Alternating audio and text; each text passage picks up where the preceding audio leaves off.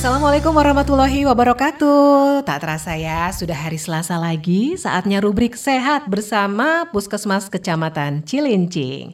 Nah, pokoknya kita akan banyak deh informasi ya. Kita sudah berkenalan dengan para dokter, dengan apotekernya, dengan nutrisionisnya, dengan sarjana kesehatan masyarakatnya. Dan sekarang ini ada satu lagi nih profesi yang kayaknya nih sahabat edukasi juga harus kenal. Namanya sanitarian. Sudah ada Mas Septio Gufroni, betul? Betul.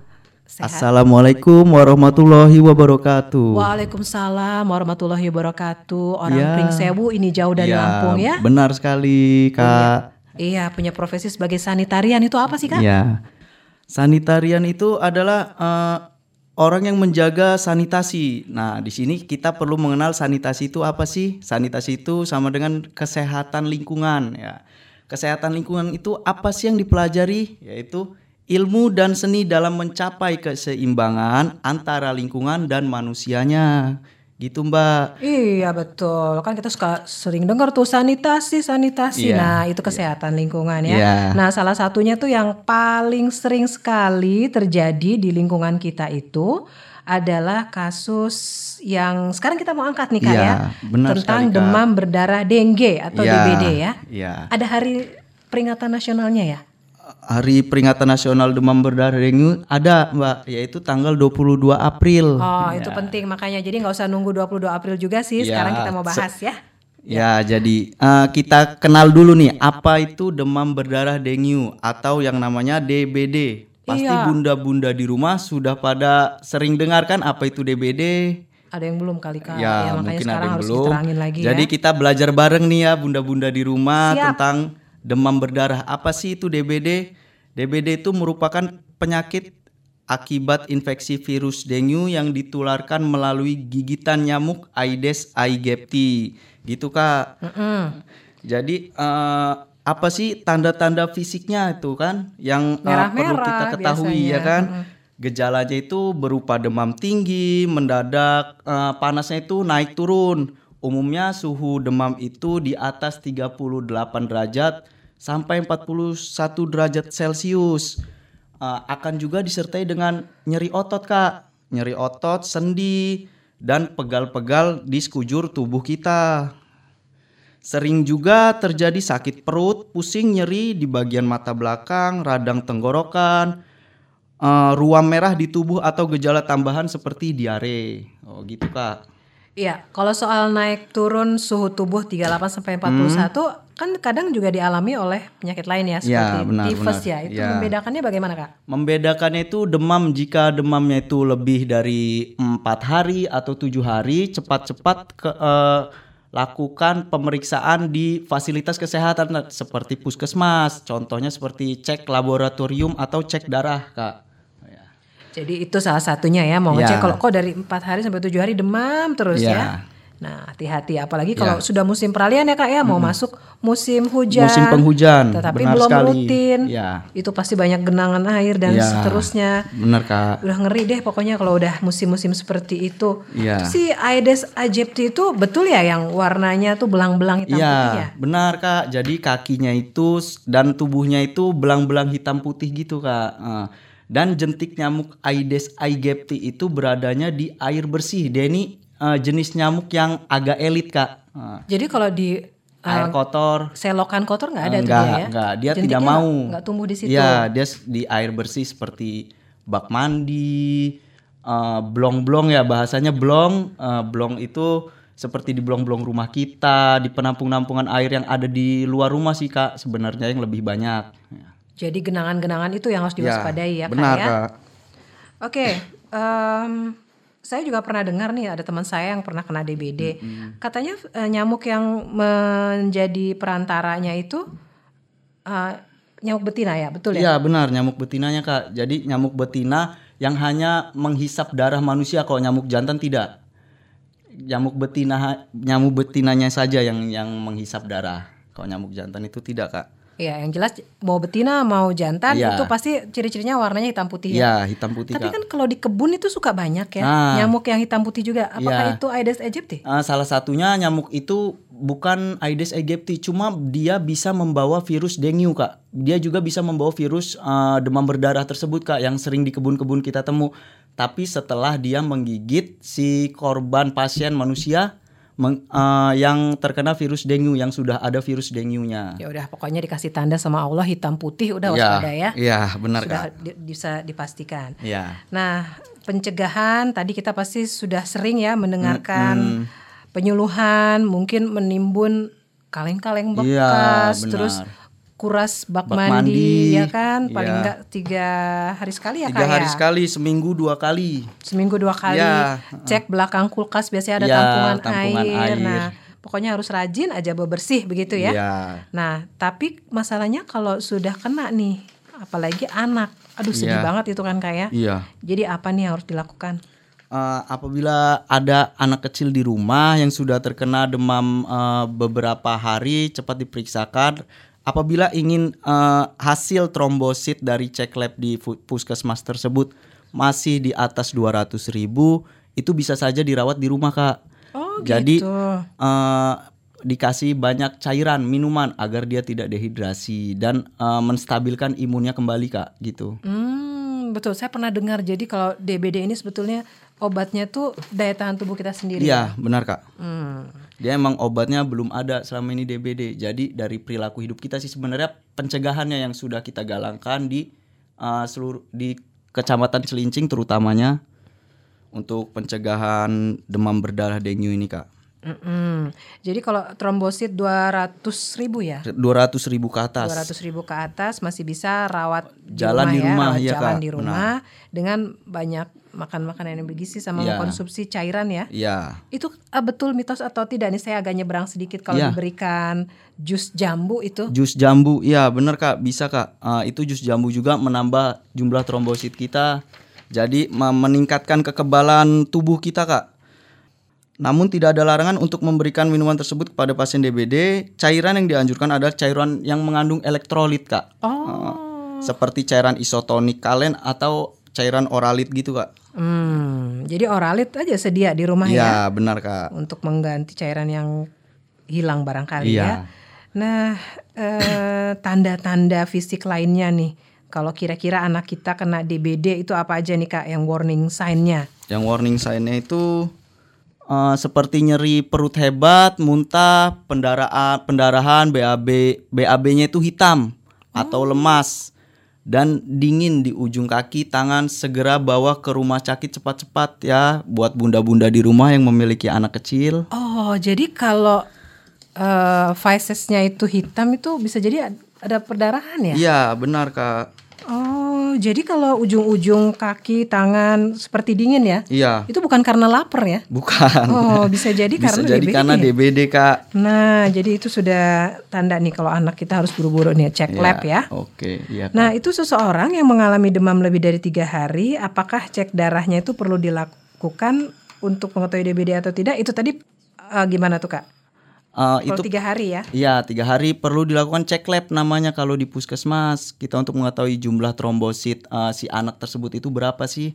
Kalau sampai di bawah 100 ribu, wah itu udah kritis banget kak. Jadi cepat-cepat eh, dikonsulkan ke puskesmas terdekat. Itu hasil cek labnya biasanya berapa lama keluar?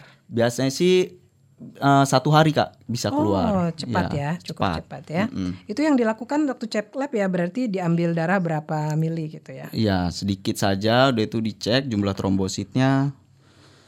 Apabila trombositnya tinggi bisa kita rawat jalan di rumah saja. Iya.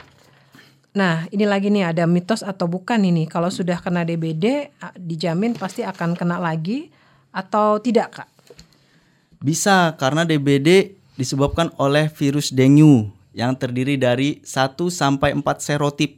1 sampai 4 serotip ini apa sih? 1 sampai 4 serotip ini adalah eh, jenis-jenis jenis-jenis virusnya ini, tingkatan. Serangan pertama itu hanya akan memberi kekebalan terhadap serotip yang menyerang seumur hidup. Namun tidak ada kekebalan pada serotip lainnya. Gejala DBD pada serangan kedua biasanya lebih berat. Jadi eh, untuk bunda-bunda di rumah yang memiliki anak kecil yang pernah terkena eh, demam berdarah eh, lebih harus memperhatikan lagi kebersihan lingkungan rumahnya agar tidak ter- ter- Kena mm, lagi gitu ya. eh, tempat eh, jadi perkembangbiakan si nyamuk Aedes aegypti tersebut kak. Oke oke. Ini nih eh, ada 1 sampai 4 serotype sebutnya. Iya, serotype itu jenis-jenis tingkatan. Jadi kalau misalnya dia pertama kena DBD, Iya. nah dia itu eh, kan biasanya kalau sudah pernah ternak serang, jadi tubuh ada kekebalan kan ya. Iya. heeh.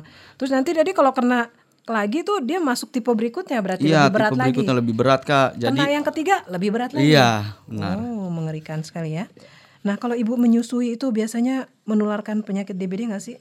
Uh, kalau untuk ibu menyusui untuk penularan virus dengue ini uh, alhamdulillahnya hanya melalui gigitan nyamuk saja kak, tidak dapat ditularkan langsung ya? melalui uh, Air ibu susunya menyusui. ya? Iya oh. kak. Jadi kalau misalnya ibunya digigit nyamuk, terus nyamuknya pindah ke anaknya baru ya? Ya, jadi ibu bisa tetap menyusui seperti biasa aja kak. Kalau ibunya sudah kena pun nggak apa-apa gitu apa-apa. ya? Oh, asal nggak ada nyamuk gitu ya? Iya, benar sekali. Nah ini kadang pasien yang sudah dirawat di rumah sakit gitu kan karena DBD kadang suka nggak nafsu makan tuh Iya, kayak benar. dikasih makanan-makanan yang bergizi terasa Susah. tidak enak gitu malah ah, maunya makan nasi padang aja ah, ah maunya apa Iya, ini milih-milih kira- biasanya. Iya. milih-milih makanannya ini sebenarnya apa saja sih sebetulnya eh, pakem-pakemnya gitu supaya perawatan di rumah sakit itu juga optimal gitu mereka harus memperhatikan apa aja tuh kak Perawatan di rumah sakit ya. Iya Uh, kecukupan cairan sih kak yang penting kalau dari Nomor satu. uh, nomor satu sekali itu untuk diperhatikan. Uh, juga kalau bisa sih buang air kecil selama 4 jam sampai 6 jam. Dan ini walaupun dirawat di rumah sakit, cek darah berkala ke laboratorium tetap harus dilakukan kak uh, agar untuk mengetahui jumlah trombosit tersebut tadi kak. Oke, kalau di rumah sakit intensif pasti diambil setiap berapa Ya, saat ya. benar, Eh, Kak. sudah ada kenaikan belum trombosit. Oh gitu. Jadi kita ngeceknya setiap 4 sampai 6 jam udah ke belakang belum untuk buang air kecil. Kalau Iya. belum ya minum lagi, Iya minum, minum lagi. lagi agar uh, cairannya yang lama itu kebuang jadi baru terus. Kalau minum muntah, minum muntah Iya. gimana dong, Kak? Kalau minum Minum muntah, minum, Minum muntah. muntah, Kadang minum kan muntah, suka ada iya. eh, uh, penolakan gitu. Iya penolakan di dalam tubuh sih kadang sering ada kak. Cuma uh, Ya memang eh, harus diupayakan terus kali ya ya. Bagaimana diupayakan, diusahakan pasang posisi yang enak supaya nggak muntah. Tapi Iya. ya jelas itu yang wajib adalah minum ya, Kak. ya? cairan. Kak. Oke, selain eh, jambu merah itu karena mungkin kandungan vitamin C-nya yang tinggi itu memang baik ya kak ya. Mm-mm. Terus kan suka tuh kadang-kadang ada yang membawakan angkak gitu ya, ada yang membawakan kurma. Itu secara ilmiah tuh berarti memang sudah terbukti ya kak ya. Pemberian jus jambu, angkak atau kurma untuk pasien DBD belum terbukti bermanfaat untuk secara ilmiah ya kak ya. Oh jadi belum. Belum. Oke. Jadi itu uh, hanya untuk uh, mengusahakan saja sih kak, usaha kita aja untuk meningkatkan trombosit aja kak. Oke, jadi eh, nggak dilarang Nggak dilarang, jus benar. jambu, angka atau kurma ya, karena Iya. itu termasuk cairan ya kak ya. Iya. Oh, ujungnya karena ya pokoknya apalah yang bisa menambah jumlah cairan tubuh kita. Tapi Benar, Kak. tadi kakak bilang yang dianjurkan itu adalah cairan isotonik Iya. ya, ataupun Oralit, oralit. ya. Dan eh, kalau minuman-minuman yang bercita rasa tajam gitu, minuman oksidasi gitu, itu bagaimana kak?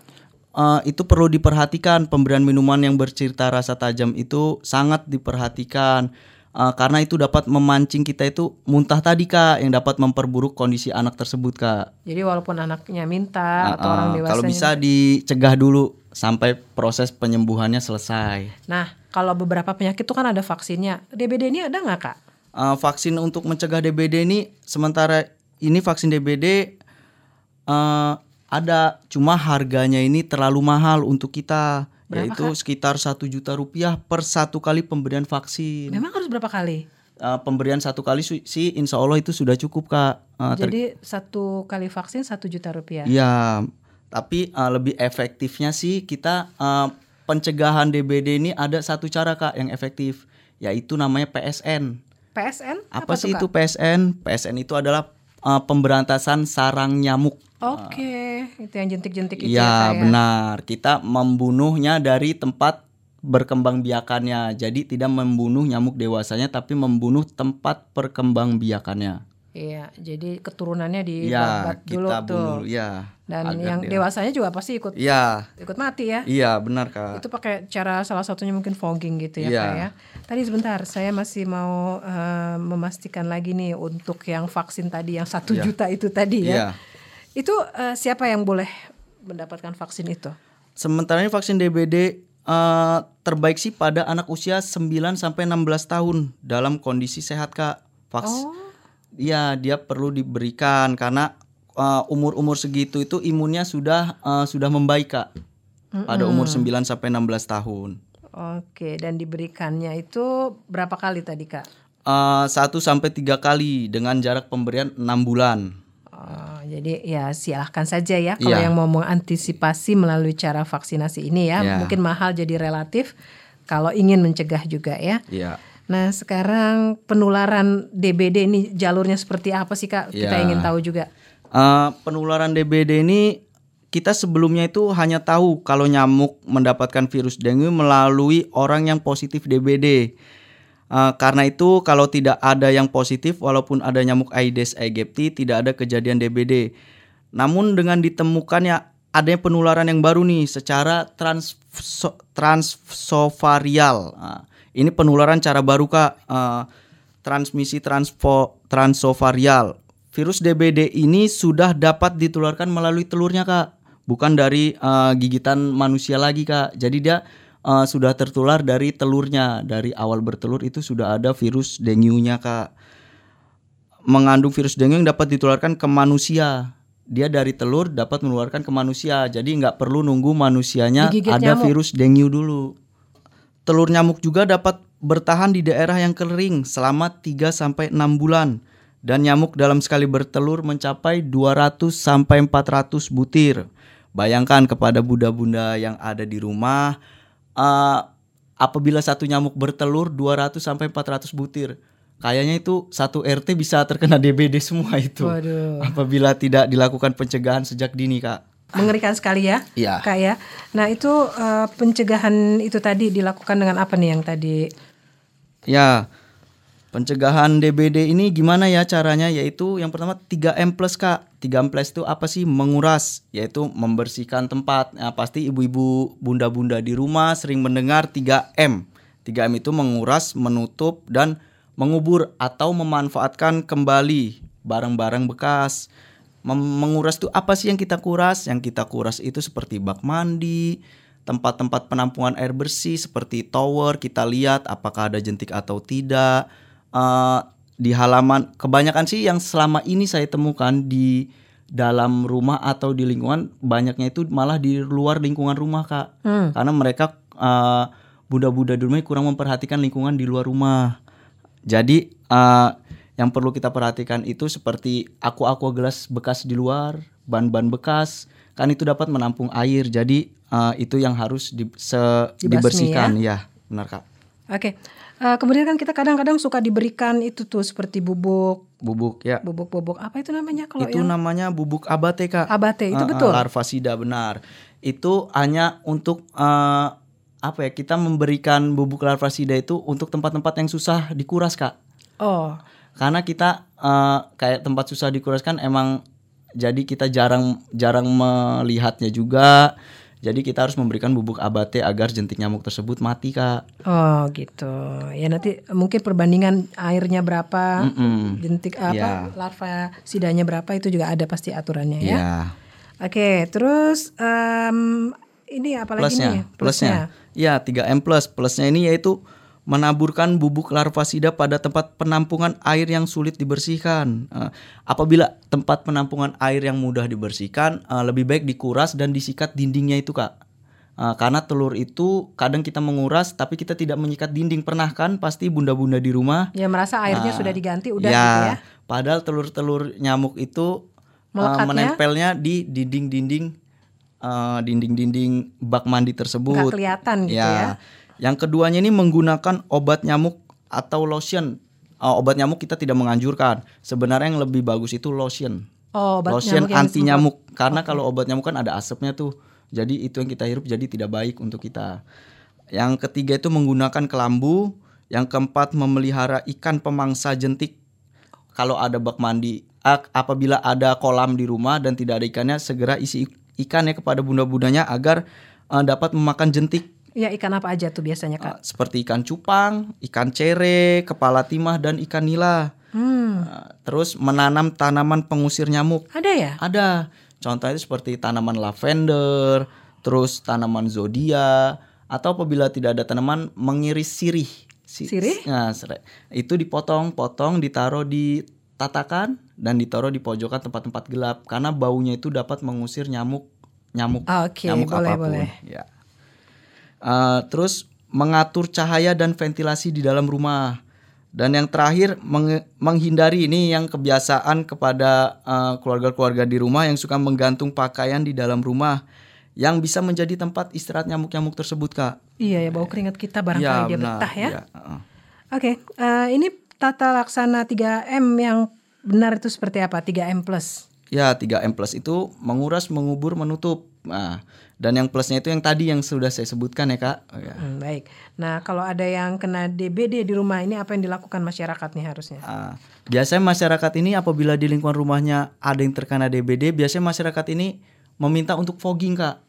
Tapi fogging ini sebenarnya tidak efektif kak, karena fogging ini eh, hanya membunuh nyamuk dewasa.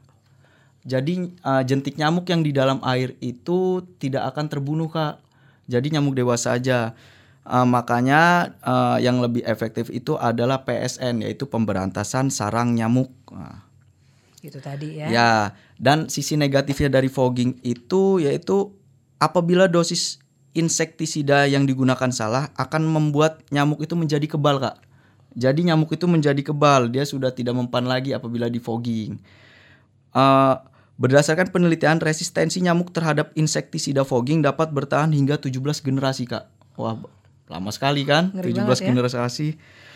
Dan fogging itu tadi sisi negatif sisi negatifnya hanya membunuh nyamuk dewasa dan bahaya eh, dari pengasapan tersebut yaitu keracunan, mual, muntah, gagal ginjal dan jangka panjangnya itu dapat menyebabkan kanker, Kak. Masya Jadi Allah, bahayanya ya. negatifnya lebih banyak dibanding positifnya. Iya, iya. Jadi yang benar PSN ya. Iya, PSN. Kalau ada yaitu kasus seperti ini, pemberantasan sarang nyamuk. pemberantasan sarang nyamuk Iya. ya. Oh iya, ada lagi? Uh, ada lagi uh, kepada saya ingin menambahkan sedikit nih kepada bunda-bunda yang di rumah uh, untuk dapat membersihkan lingkungan yang ada di rumahnya yaitu apabila ada anak yang sudah besar umur 10 sampai 20 uh, diajak untuk menjadi jumantik. Apa itu jumantik? Jumantik itu adalah juru pemantau jentik. Hmm. Jadi seminggu dua cukup seminggu dua kali periksa eh, tempat-tempat air bersih yang ada di rumah apakah ada jentik atau tidak. Jadi kita di Cilincing ini lagi menggalakkan gerakan KBJ kak namanya. Apa tuh? Kampung Bebas Jentik. Wow. Nah, Kampung Bebas Jentik. Jadi kita menggerakkan di situ mengajak masyarakat itu untuk menjadi jumantik mandiri di rumahnya sendiri. Jadi nggak perlu nunggu kita ataupun kader yang memeriksa rumahnya. Jadi masyarakat sendiri yang dapat eh, memeriksa rumahnya sendiri. Responsnya baik? Ya, alhamdulillah responsnya sampai saat ini masih baik kak. Mereka masih mau kita ajak eh, memeriksa rumahnya sendiri. Jadi itu mungkin ya di, dibasmi itu mungkin ya. Mungkin. Jentik itu ya. Jentik, ya kak. Oh, luar biasa. Jadi ini memang sebetulnya kalau soal sanitasi lingkungan tuh bukan kerja sendirian Ya, satu benar. rumah, Dia tetapi harus tim tim seluruh. Kita dengan tetangga kita Iya. se-RT, se-RW, sekelurahan, Iya, sekecamatan dan benar, harus kompak ya. Iya. Jadi kayaknya harus uh, duduk bersama untuk bisa membersihkan lingkungan kita supaya terbebas dari demam berdarah dengue. Iya. Ya, ini mudah-mudahan kita nggak mendengarkan kisah-kisah atau kasus-kasus yang merebak lagi DBD di daerah Iya. mana daerah mana gitu Iya. ya. Karena ini pasti kitanya ngeri banget nih. Iya. Baik sahabat edukasi Bunda, sampai di sini dulu kebersamaan kita dalam acara rubrik sehat dengan tema hari ini demam, Demam berdarah, berdarah, dengue atau DBD bersama uh, Kak Septio Gofrani. Terima kasih Kak Septio, jangan bosan-bosan untuk berbagi pengetahuan kepada kita ya tentang Iya, Kakak. kesehatan lingkungan. Iya. Ya, kami kru yang bertugas, saya Hani, mohon pamit bersama rekan Charlie, rekan siswa, dan juga produser Puji Raharjo serta Nur Arfa Mega. Sampai jumpa di lain kesempatan. Assalamualaikum warahmatullahi wabarakatuh. Waalaikumsalam.